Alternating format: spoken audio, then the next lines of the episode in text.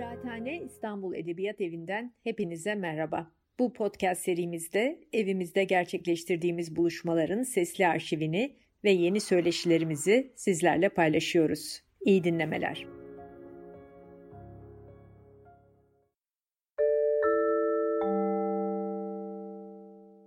Martin Heidegger e, Freiburg'daki kürsüye atandığında ünlü açılış, giriş, atanma konuşmasını yapıyor. Doğa ötesi nedir diye. Orada başlangıç noktası çok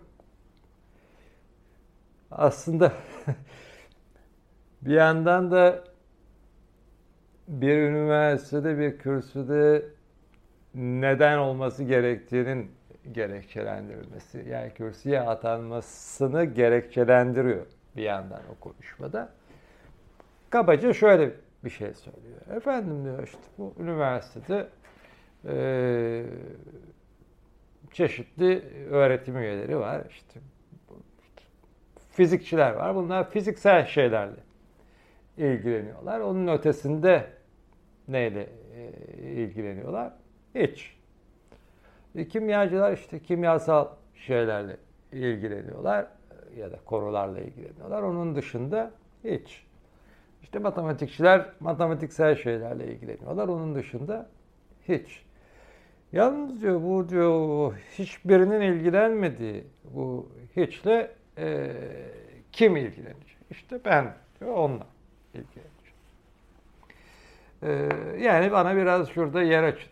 Ben de bir hiçle uğraşın gibi bir gerekçe Yani, tabii buradan Heidegger'in hiçbir şey yapmamak üzerine e, bir kürsüye yerleştiği de çıkarılabilir belki. Ama konuşmanın sonunda ilginç bir şey e, söylüyor. Bütün konuşmada işte bu hiç meselesi ele aldıktan sonra yalnız diyor doğa ötesi eninde sonunda ne olduğunu söylüyorum. Neyle uğraştığını gösteriyorum. Ee, eninde sonunda geliyor şu temel soruya e, dayanıyor diyor. Niye genel olarak bir kere e, olan var da e, hiçbir şey yok. Tabii bu soru e, Heidegger'in doğa ötesinin temel sorusu dediği bu soru. ilk kez e, Leibniz'in e, dile getirdiği bir soru. Leibniz bunu birkaç e, yerde birçok kez dile getiriyor. Birçok tartışmada e, yeniden yeniden e, gerekçelendiriyor. Ama e, en özet biçimde, en derli toplu biçimde dile getirdiği yer e, tam bu işte moradoloji diye bilinen felsefenin ilkeleri e, metnini yazdığı 1714 yılında onun yazarken bir yandan da yazdı. E, doğayla e, Kayra'nın ilkeleri e, metninin 7. paragrafı. Şimdiye dek diyor bu metnin burasına dek biz doğacı olarak e, konuştuk. E, şimdi e, doğa ötesine yükselmin e, yükselmek gerekiyor. Bunu yaparken de diyor şu büyük ilkeden yaygın olarak pek e, başvurulmayan şu büyük ilkeden. Hiçbir şeyin yeter neden olmaksızın olmayacağı ilkesinden yararlanacağız. Sonra açıyor bunu. İki şey söylüyor. Birincisi yeterince bilen birinin yeterli bir belirleme nedeni, gerekçesi e, sunabileceği biçimde olmayan bir şey olamaz. Ne için bu gerekçeyi sunacak? Niye o olanın başka türlü değil de öyle oldu? Bu ilke diyor sorulacak ilk soruyu ortaya koyuyor bizim için. Niye hiçtense bir şey var ya da yoktansa bir şey var?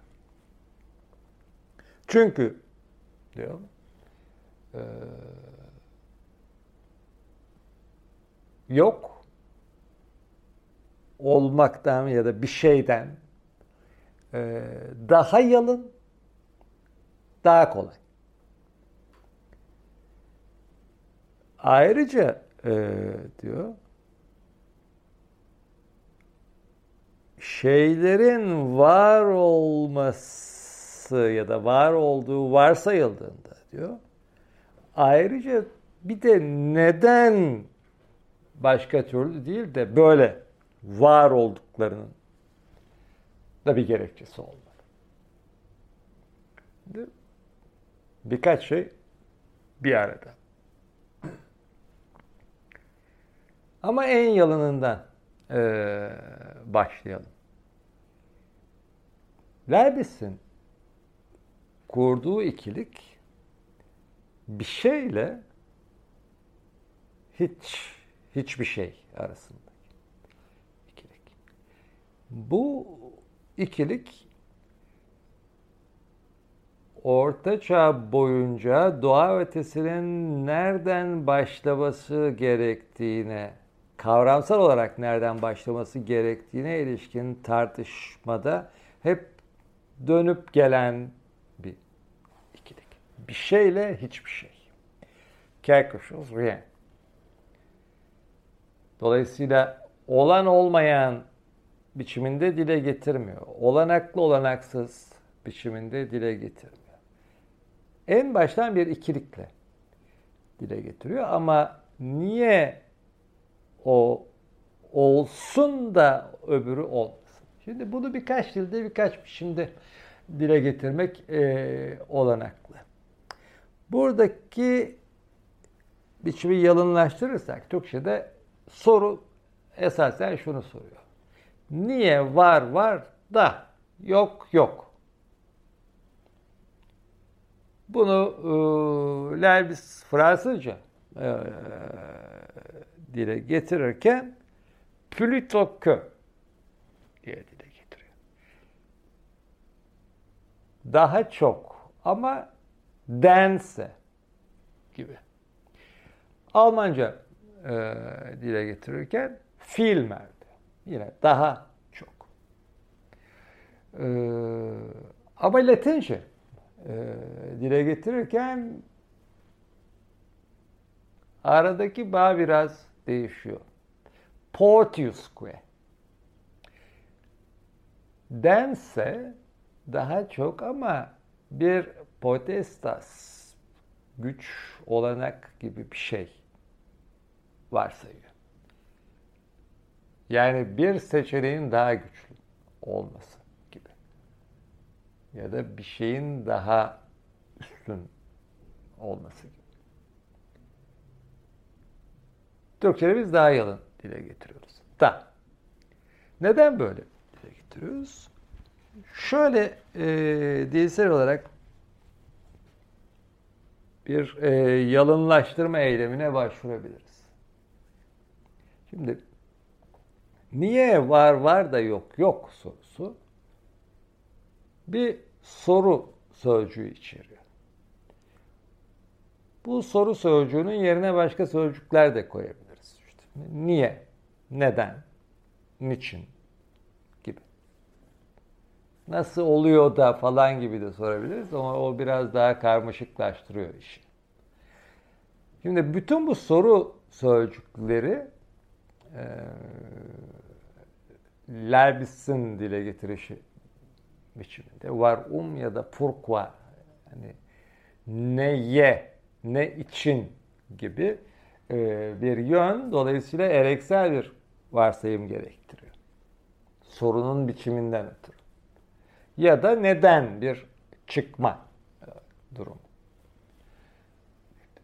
Son biçimini eski çağ da Yunan felsefesinin ilk döneminde e, görebiliyoruz. İşte bu Aristoteles'in sonradan arhe e, arayışı dediği e, işte Simplikios'unda e, Anaximandros'a bağladı. Gerçi işte e, bir e, muğlaklık var orada. Yani hangi sözcüğü Anaximandros'un ilk kez kullandığı yani arhe mi aperon mu gibi ama e, diyelim arhe olsun. Dolayısıyla bir her şeyin geldiği bir başlangıç. Bu başlangıç sorunu daha sonra e, depreşecektir hep. Nereden başlamak gerektiği. Orta Çağ'da, Suarez'de, sonra Hegel'de falan. Bir çıkma içeren bir soru imi söz konusu olduğunda bir neden sorusu. Ya da bir neye, bir yönelme içeren bir soru sorduğumuzda. Dolayısıyla belki soruyu soru olarak içeriğini e, çıplak bırakmak için bu soru sözcüklerinin varsayımları olmadan e, sormak e, gerekir. Ama o zaman soruyu soru biçiminden çıkarmış oluyoruz. Çünkü soru sözcüğünü sildiğimizde soru imini de siliyoruz. Dolayısıyla elimizde var var da yok yok bir e, önermesel biçim ama bu önermesel biçim bir e, eş sözler ikilisi olarak kalıyor bu durumda karşımızda. Var var, yok yok. Dolayısıyla e, Parmenides'in söylediğinden bir adım ileri gitmemiş oluyoruz bunu yapmakla. Çünkü Parmenides baştan var var yok yok olanın olduğu söylenebilir, olmayandan söz edilemez gibi bir şey söylemişti bize. Yok üzerine yok olduğundan başka hiçbir şey söylemeyiz. Yok olduğunu da söyleyemeyiz. Yalnızca yok diyebiliriz. İşte var içinde var diyebiliriz. Var için var demekten başka yalnız vara özgü olan bir şey söyleyemeyiz. Dolayısıyla Aristoteles'in doğa ötesinde işte olanın olan olarak e, ele alınmasını da da çok fazla bir şey söyleyemeyiz. İşte olanın olduğunu ancak söyleyebiliriz. Ama Leibniz'in dile getirişinde bir öğe daha var. Eş sözleri iki yandan giderdiğimizde var var da yok yoku yalnızca eş sözler oldukları için bir şey belki de demedikleri için e, sildiğimizde elimizde bir da kalıyor. Fiilmer, que, e, potius ya da İngilizcesiyle rather than. Ama burada bir dense, da gibi bir anlam içeriyoruz.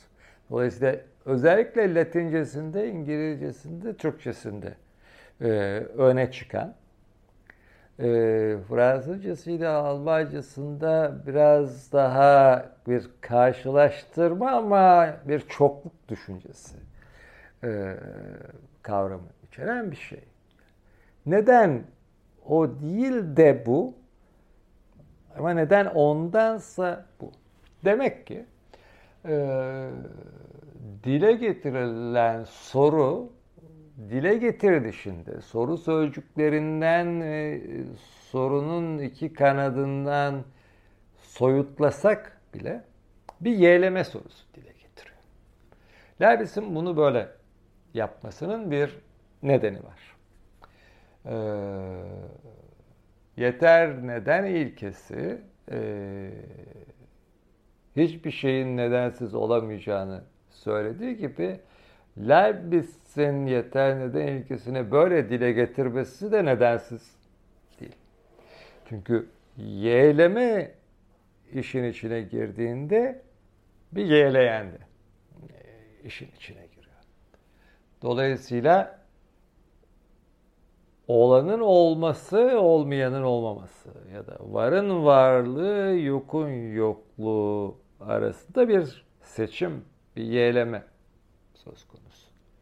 Dolayısıyla soruyu önermesel biçime çevirdiğimizde bile önerme bir bakıma e, kipli bir önerme oluyor. Önermenin e, doğruluğu hep e, kipli bir doğruluk oluyor. Elbette bu doğruluk kipiyle e, dile getirilmiş bir şey değil. Bir yeğlemeler mantığı e, terimi olarak bir kip, bir yeğleme kipi e, içermiş oluyor. Şimdi o dahi tek başına ele aldığımızda, o yeğlemenin yeğleyenini aldığımızda Leibniz'in derdi ne ulaşıyoruz? Yeter neden ilkesi Leibniz açısından bir yeğleyicinin yeğlemesinin ilkesi. Metnin e, ortalarında söylediği gibi, yani bu yedinci paragrafın ortalarında söylediği gibi, yeterince bilen birinin e, gösterebileceği bir neden. Şimdi buradaki neden, baştaki niye, niçin, neden sorusunun bu kez ad, oradaki soru sözcüklerinin ad biçimi e, biraz çeldirici. Çünkü biz e, bugün genellikle neden sözcüğünü kullandığımızda neden sonuç ilişkisinde ki neden sözcüğünü anlıyoruz ilk olarak. Genellikle diyelim. Hep öyle değil ama. Ama e, buradaki neden sözcüğü e, o anlamda bir neden sözcüğü değil. Buradaki neden e, rezon yani ratio latincesi. Bunu geriye doğru e, çevirmeyi sürdürürsek logos demek. Şimdi logos, ratio nedenden daha çok gerekçe, temel, dayanak, gibi bir anlama geliyor. Böyle bir bağlam. O gerekçe, temel, dayanak her türden gerekçe, temel, dayanak olabilir. Peki Leibniz niye e, yeterince bilen birinin bize sunabileceği, gösterebileceği, söyleyebileceği bir nedenden, bir ratiodan e, söz ediyor? Çünkü burada iki ratio arasındaki ayrımı gidermeye çalışıyor. Örneğin e, Descartes'in kullanmaya bayıldığı bir ayrım. Ratio essendi ile ratio cognoscendi arasındaki ayrım. Ratio essendi, ratio cognoscendi ayrımı herhangi bir şeyin, bu bir şeyin illa bir şey olması gerekmez bir olgu da olabilir olma nedeniyle bilinme nedenini ayırıyor. Yani cogito, düşünüyorum açısından söylersek örneğin e, düşünmem den ötürü olduğumu biliyorum. Çünkü olmasam düşünemem. Düşünmemden ötürü olduğumu biliyorum çünkü düşünmem olmamın bilinme nedeni. Ratio cognos kendisi. Ondan ötürü, onun sayesinde, onunla, ona dayanarak öbürünü söyleyebiliyorum. Ama düşünmemin gerektirdiği gerekçe olmasının nedeni düşünmemin. Dolayısıyla olmam düşünmemin ratio essendisi, düşünmem olmamın ratio cognos kendisi. Neden ötürü olduğuyla neden ötürü bilindiği arasındaki ilişki. Leibniz burada yeter neden ilkesiyle bu iki ilkeyi birlikte kullanmaya çalışıyor. bilen birinin söyleyebileceği neden, yani ratio, verebileceği ratio, olduranın da ratiosu olmalı. Dolayısıyla bilinme gerekçesi, dayanağı, nedeni, ratiosu olma nedeni de olmalı. Yoksa ikisi birlikte olmadan yeter neden ilkesi olmaz. Çünkü yeter neden ilkesinin hem bilen birinin bildiği bir gerekçeyi hem de olanın olmasının gerekçesini içermesi gerekiyor. O ikisinin de aynı olması gerekiyor. Bu ne? Tanrı'nın, olduranın seçimi. Ama olduranın seçimi e, geliş güzel olamaz. Buradan tabii e, şeye gidiyoruz. Yani Tanrı'nın istenci özgür müdür tartışmasına falan. Ama Tanrı'nın kendisi ratio olduğu için e, yeğlemesinin seçiminin de o ratioya dayanması gerekir. Bir gerekçesinin olması gerekir. Daha e, sözcüğü tam karşılayacak biçimde söylersek yeterince bilen biri bir uslamlamayla niye olanın olduğunu, olmayanın olmadığını söyleyebiliyor. Ya da herhangi bir şey söz konusu olduğunda onun neden olduğunu, olmamaktansa olduğunu, neden başka türlü olmaksa öyle olduğunu söyleyebiliyor. Bunu uslamlamayla yapıyor. Yani olanı gerekçesine, temeline, dayanağına, dolayısıyla uslamına geri götüren bir uslamlama. Olduran açısındansa bu bir uslamdan, bir gerekçeden, dayanaktan bir şeyin uslanması, uslamlanması, dolayısıyla oldurulması yani şöyle, bilen, gerekçeyi araştıran, uslamı arayan, uslanın uslamlaması bizi bilinme nedeni yönünden, bilinme uslamı yönünden gerekçeye, uslama götürüyor. Olduranın ki de bir uslama dayanarak oldurmaya götürüyor. Dolayısıyla olmamasındansa olmasını yeğlemesi hangi uslamdan ötürüyse biz de olmasından ötürü o uslamı çıkarıyoruz. Bilen, yeterince bilenlerimiz tabii. Yani biz değil de Lerbis. ya da Lerbis de değil. Yani eninde sonunda e, bizim Türkçe'de işte Allah'ın hikmeti e, dediğimiz bir yere e, dayanıyor. Vardır bir bildiği. E, bu bize niye gerekiyor? Bu e, Leibniz'e özellikle e, kötülük sorunundan kurtulmak için gerekiyor ama bir sürü yerde bir sürü başka biçimde e, kullanıyor bunu. Bu dünya niye böyle? E, hep yeter neden ilkesine geri getiriyor. Çünkü us doğrularıyla olgu doğruları arasında yaptığı ayrım gereği us doğruları çelişmezlik ilkesine dayanırken olgu doğrularının dayandığı ilkenin bundan başka bir ilke olması gerekiyor olgu doğruları yalnızca çelişmezlik ilkesinden çıkamaz. Çeşitli gerekçelerinin yanı sıra bir de çelişmenin bir olgu olmasından ötürü. Dolayısıyla olgu doğrularının tutarlılığını sağlayacak bir temel uslam gerekiyor. Yeter neden ilkesi bu uslamı sağlıyor. Yeter uslam ilkesi demek daha doğru aslında.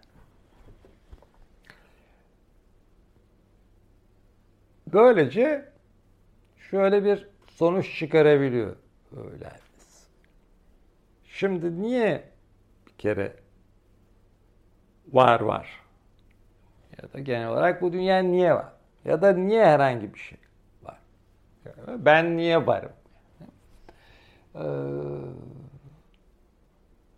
bir kere bunun bir nedeni olmalı. Yani. Ama bu neden bir logos, bir ratio, bir uslam olmalı. O uslamdan ötürü de benim oldurulmuş olmam gerekir. Şimdi bunu ben bilinme hmm, uslamı olarak bulmalıyım. Bunun böyle olması gerektiğinin bana ne söylüyor? Yeter uslam ilkesi. Yeter uslam ilkesi benim bilmem bakımından ne ölçüde gerekliyse Tanrı'nın oldurması bakımından da o ölçüde. Dolayısıyla ne ben herhangi bir şeyin hmm, uslamsız olduğunu düşünebilirim ne de Tanrı herhangi bir şeyi uslamsız oldurabilir. Dolayısıyla Tanrı'nın uslamıyla benim uslamımın, bilenin uslamının ya da gerekçeyi arayanın uslamının çakışması gerekir. Buradaki e, seçimde e, iş olduranın gerekçesine dayanıyor. Örneğin e, Clark'la tartışmalarında da çok sık, sık başvurduğu, Clark'ı da Newton'u da e, anlamamakla suçladığı bir ilkedir bu. Yeter neden ilkesi vermesi. Dönüp dönüp o ilkeyi açıklıyor. Örneğin şöyle. Uzayı tartışıyorlar. İşte bir tarafta e, salt uzayı savunan e, Clark var, öbür tarafta e, Leibniz uzayın yalnızca bir ilişki olduğunu e, savunuyor. E, iş geliyor, dayanıyor. İşte bu e, uzaydaki nesneler niye uzayın burasında da burasında değil gibi e, bir yere bunun bir gerekçesi olması gerekir. Clark diyor ki Tanrı oraya koyduğu için orada. Leibniz olur mu Tanrı öyle durup dururken gelişi güzel koyar mı onları oraya diyor. Onun oraya koymasının tabi oraya koyması e, demiyor e, Leibniz kendisi. Onları öyle koymasıyla zaten uzay oluyor. Onların arası, onların ilişkisi zaten. Ama oraya değil de buraya koymak Tanrı'nın gelişi güzel yapabileceği bir şey değil. Bir gerekçesi olması gerekir. Dolayısıyla o gerekeyi sizin de bana açıklayabilmeniz gerekir. Öyle olduğunu savunuyorsa. Ama eninde sonunda iş ee, bir kere genel olarak überhaupt yani bir kere yani e, niye var? Şimdi burada Leibniz e, yeter neden ilkesini e, bir iyimserlik ilkesi olarak kullanıyor. Gelmiş geçmiş en iyimser felsefeci belki e, Leibniz. Ee, sonuçta yeter neden ilkesi bize şunu söylüyor. Bu dünya var. Çünkü olması iyi. Bu dünya böyle. Çünkü böyle olması iyi. Niye? Şöyle kabaca bir uslanmamaya dayanıyor. Efendim Tanrı açısından e, sınırsız sayıda e, olanaklı dünya tasarlanabilir. Tanrı'nın tasarımında olanaklı dünya, tabi olanaksız olanı Tanrı da tasarlayamayacağı için olanaklı dünyalardan Çünkü olanaksız olan ratioya uygun olmayan, alogos e, olan e, us dışı bir şeydir. Çünkü us doğrularının hepsi çelişmezlik ilkesi ne dayanmak zorundadır. Olanaklı dünyalar içinde bir seçim yapması gerekiyor. Şimdi Tanrı bu seçimi neye göre yapacak? Buradan e, libertas indifferentiae Yani ayrımsızlık, kayıtsızlık olarak özgürlük e, olanaklı mı sorusuna geliyoruz. Bu herhangi bir istenç için e, sorulabilecek bir soru. Herhangi bir istenç bütün seçenekler arasında o seçenekler denk seçeneklerdir olsa e, istediğini seçmekte özgür müdür? Bu istencin istediğini seçmekte özgür olup olmadığını sormak da biraz tuhaf. Çünkü e, istencin istediğini istediği gibi seçmesi zaten döngüsel bir yere götürüyor bizi. Gelişi güzel diyelim. Yani herhangi bir gerekçe dayanak uslam olmadan seçebilir mi? Bu e, yeni çağ eşiğinde çok tartışılmış bir sorudur. Özellikle Tanrı'nın istenci e, söz konusu olduğunda e, Leibniz örneğin e, Clark'ı o nedenle suçluyor. Siz diyor Tanrı'nın gelişi güzel seçtiğini söylüyorsunuz. Yani e, liber arbit, liberum arbitrium o demek değil diyor. Yani seçme özgürlüğü gerekçesiz seçme özgürlüğü demek değil. Yalnızca Tanrı öyle seçtiği için o bir gerekçedir gibi konuşuyorsunuz. O bir gerekçe değil. Diyor. Çünkü Tanrı'nın kendi gerekçesinin olması gerekiyor. Dolayısıyla Leibniz açısından Tanrı e, uslu e, olduğu için bir uslamla seçmeli. Ama o uslam nasıl bir uslam olacak? Bu bizi o daya, denseye, fiilmere, potius bir şeyin daha ağır basmasına getiriyor. O değil de bu. Çünkü ondansa bu. E ama bu bizim bu ondan daha iyi dediğimiz şey. Uslu üstelik de iyi olduğu için Tanrı uslamalı bir seçim yapmalı. O uslamı da iyi oluşturmalı. Dolayısıyla iyi seçmek zorunda. Neler arasında? Seçenekler arasında. Seçeneklerimiz neler? Olanaklı dünyalar. Olanaklı dünyalar arasında iyisini seçecek. Ama yalnızca iyi olan herhangi birini seçemez. Olanaklı bütün dünyalar arasında en iyisini seçmek zorunda. Çünkü daha az iyi niye seçsin? Salt iyi olan Tanrı. O zaman seç şu en iyisi. Demek ki bu dünyayı seçtiğine göre diyor Tanrı. Bilinme nedenimiz ee, bakımından. Bilinme gerekçesi e, arıyoruz şimdi. Tanrı'nın bunun en iyi olduğuna karar vermiş olması gerekiyor. Peki, karar verebilir de.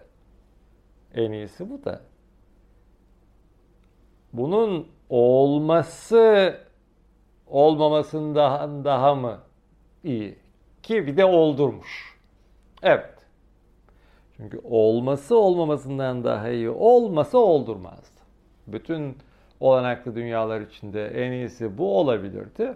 Ama bunun olmaması olmasından iyi olabilirdi. Ama hem olanaklı dünyalar arasında en iyisi olarak bunu seçip hem de oldurduğuna göre bu şükretmemiz gereken bir şey. Yani yatın kalkın şükredin olanaklı dünyaların en iyisinde yaşıyorsunuz gibi bir şey söylemiş oluyor. Yani biz. Bununla ne yapıyor? Bununla e, Heidegger'in çok belirgin bir biçimde o doğa ötesinin temel sorun dedi. Soruya bir karşılık vermiş.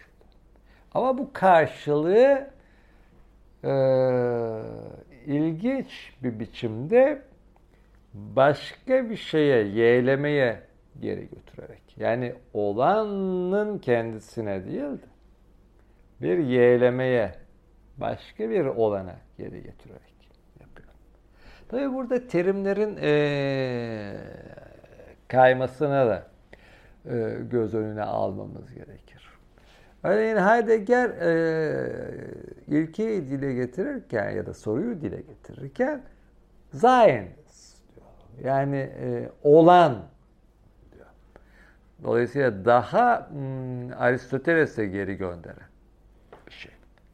Ama Leibniz e, dile getirirken Kerkeşos diyor. Bir şey. Diyor. E, Almanca dile getirirken etwas e, diyor. Latince dile getirirken aliquid diyor. Bu kayma. Neden? Heidegger'in kendi e, olmayla olan ayrımları falan o tartışmaları bir yana bırakalım. Leibniz açısından bu bütün bir e, Suarez'de doğru ulaşan Orta Çağ e, geleneğine bir karşılık. Oradaki başlangıç kavramını bir şeyle hiçbir şey biçiminde alıyor. O bir şey de hiçbir şey e, biçiminde aldığı kavramı bu kez bir yeğlemenin terimleri haline getiriyor. Şimdi Orta Çağ boyunca e, Aristoteles'in doğa ötesine bir şekil düzen verme tartışması bize şunu e, sağlıyordu. Bütün doğa ötesi kavramların türetilebileceği en yüksek kavram, en üst kavram saptayıp oradan ikili ayrımlarla e, genellikle ikili ayrımlarla Porfirios ağacını kullanarak bütün geri kalan kavramları türetmek. Ama ilk kavram, en üst kavram, e, tepedeki kavram ya da işte e, şemsiye kavram ne olmalı sorusu çok çetrefil e, bir soru. Leibniz o çetrefillikte olanla olmayan he, birlikte ele alıp aynı sorunun dolayısıyla aynı karşılığın dolayısıyla aynı uslamın e, kanatları biçimine dönüştürmek için yeğleme terimi kullanıyor. Bir tane Portius koyuyor. Da. Ee, ama o zaman da doğa ötesinin temel kavramı doğa ötesinin ötesine, onun dışına bir yere göndermiş oluyor bizi. Yeğlemeye. Bütün doğa ötesini istenç sorununa, yeğleme sorununa onu da Tanrı'nın yeğlemesi. Tek başına e, Tanrı'dan e, bütün olanları ya da olmaları, olanaklılıkları falan e, türeten bir çerçeve çizseydi yine de doğa ötesinin işte, yerleşik doğa ötesinin diyelim sınırları içinde kalan bir şey olacaktı. Leibniz ilk kez onun dışında bir şey. Doğa ötesinin bütün çerçevesine bir dış sınır çiziyor. Peki bunu yapmaya hakkı var. Şimdi burada şöyle bir e, sorun e, çıkıyor. Bunu Leibniz'in çizdiği bu sınırı, çerçeveyi doğa ötesinin işinde tutabilmek için e, Christian Wolff'la e, Alexander Baumgart'ın yeter neden ilkesinin bir e, ratio olduğu için nasıl ratyonun kendisinden e, türetilebileceğini e, soruşturması. Wolff da Baumgart'ın da bunu özellikle Kant e, vurguluyor bize. E, üç yerde, en azından üç yerde. Önce e, Nova di Liquidatio'da e, 1755'ti. Sonra Saltus'un eleştirisinde sonra e, Prolegomena'da ön savlarda. Gelecekte bir bilim olarak ortaya çıkabilecek DM doğa ötesine ön sav, ötesinin ön savları metninde. İkincisiyle üçüncüsünde daha e,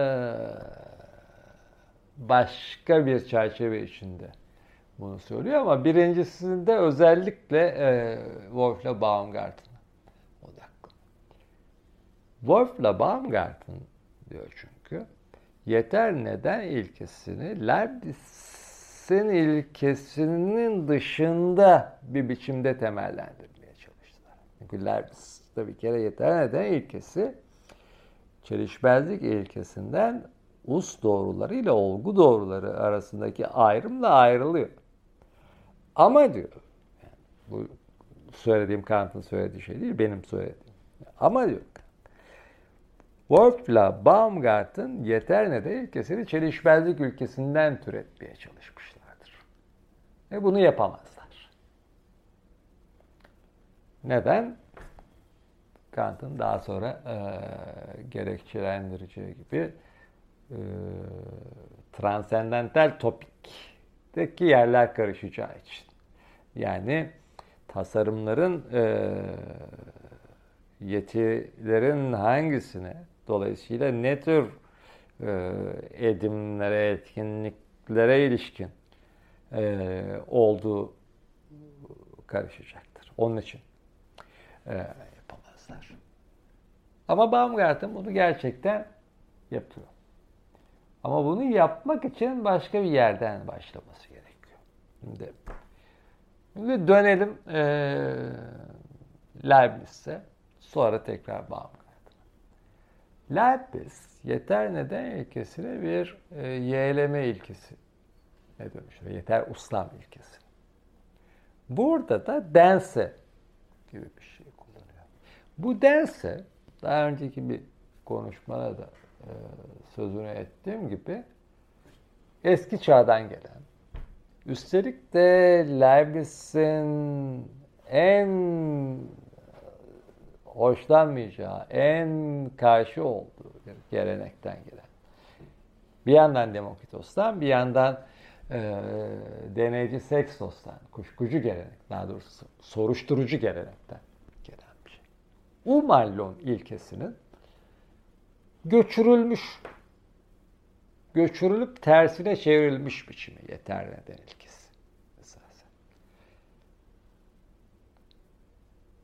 Demokritos olma bakımından Sexos Empirikos'a uslamlama bakımından neden öyledense böyle olamayacak olamayacağını neden öyledense böyle denemeyeceğini tartışıyorlar. Demokritos ne diyor? Olmayan da olan kadar var. Leibniz'in terimleriyle söylersek hiçbir şeyde bir şey kadar var. Çünkü hiçbir şey olmasa bir şey nerede yer alacak falan. İşte boşluk. Öbür taraftan empirikos kriteryon, ayıraç e, sorunuyla şunu soruyor. Yani bu dogmatiko yani e, öğretici felsefeciler, bizim skep gibi skeptiko yani soruşturucu, araştırıcı felsefeciler. Skeptikoyu o bağlamda e, kuşkucudan çok soruşturucu, araştırıcı, sorgulayıcı belki diye anlamak gerekir. E, arasında bir fark var. Yani öğreticiler dogmatiko doğrunun ve ayıracının olduğunu söylüyorlar bir kere. Biz ise olup olmadığını sorguluyoruz. Yoktur da demiyorlar. Olup olmadığını sorguluyor. Dolayısıyla ayıracın bile olup olmadığını e, sorguluyoruz. Ama esasen Demokritos'ta, e, Sextos'ta Leibniz'in çizdiği çerçeveye benzer bir yerde. Biri niye olmayan da olan kadar olmasın diyor. Öbürü neyin doğru neyin yanlış olduğunu söylemeden önce ya da neyin olduğunu neyin olmadığını söylemeden önce bunun ayırıcı olanaklı mı diye soruyor. Bu ayırıcı olanaklı kılan ne sorusu soruyor. Leibniz de bu bir yeğleme sorusuna dönüşüyor. Ama Kant'ın dediği gibi Baumgarten, Wolf'la Baumgarten'da yeter neden yeter ustam ilkesinin de gerekçelendirilmesi gerekiyor. Leibniz için bu kendiliğinden apaçık. Bu ilkelerin ilkesi. Çünkü dolayısıyla çelişmezlik ilkesiyle aynı konumda ya da benzer ona koşut bir konu. Ama Baumgarten metafizikada e, yeter neden ilkesini e, türetiyor. Bunun içinde bir başlangıç kavramına gerek duyuyor. Bu başlangıç e, kavramı olan olmayandan önce bir şeyle hiçbir şeyden önce gelmesi gereken bir kavram. Onun için de olanaklı kavramından başlıyor. Ama olanaklı kavramından da e, başlamıyor. Olanaksız kavramından başlıyor. Olanaklı kavramını türetebilmek için. Olanaklı kavramını türetebilmek için olanaksız kavramına başvurması olanaksız kavramını da türetmesini gerektiriyor. Olanaksız kavramını nasıl tanımlayacak? Yok kavramıyla. Dolayısıyla yeter neden ilkesini gerekçelendirmeye bir uslamlamayla uslamını saptamaya kalktığımızda Baumgarten açısından yok kavramına e, açılıyor. Yok kavramına e, vardığımız zaman da yokun içeriğinin nasıl belirleneceği sorunuyla karşılaşıyoruz. Bir şey olmadığı için e, boş bir kavram olması gerekir gibi geliyor bize. Ama Baumgarten tanımlıyor. Yok. Burada nihil negativo. Yok. Değil. Yani tasarlanamayan, olanaksız, aykırı, saçma, çelişki barındıran, çelişki içeren, dolayısıyla çelişik. Dolayısıyla diyor, gerek A gerek A olmayan, olan ya da çelişik yüklemlerin öznesi yoktur. Bu e, metafizikanın yedinci paragrafı. Bu ilke diyor çelişme ilkesi. Latince de öyle söylüyor. Çelişmezlik ilkesi denir.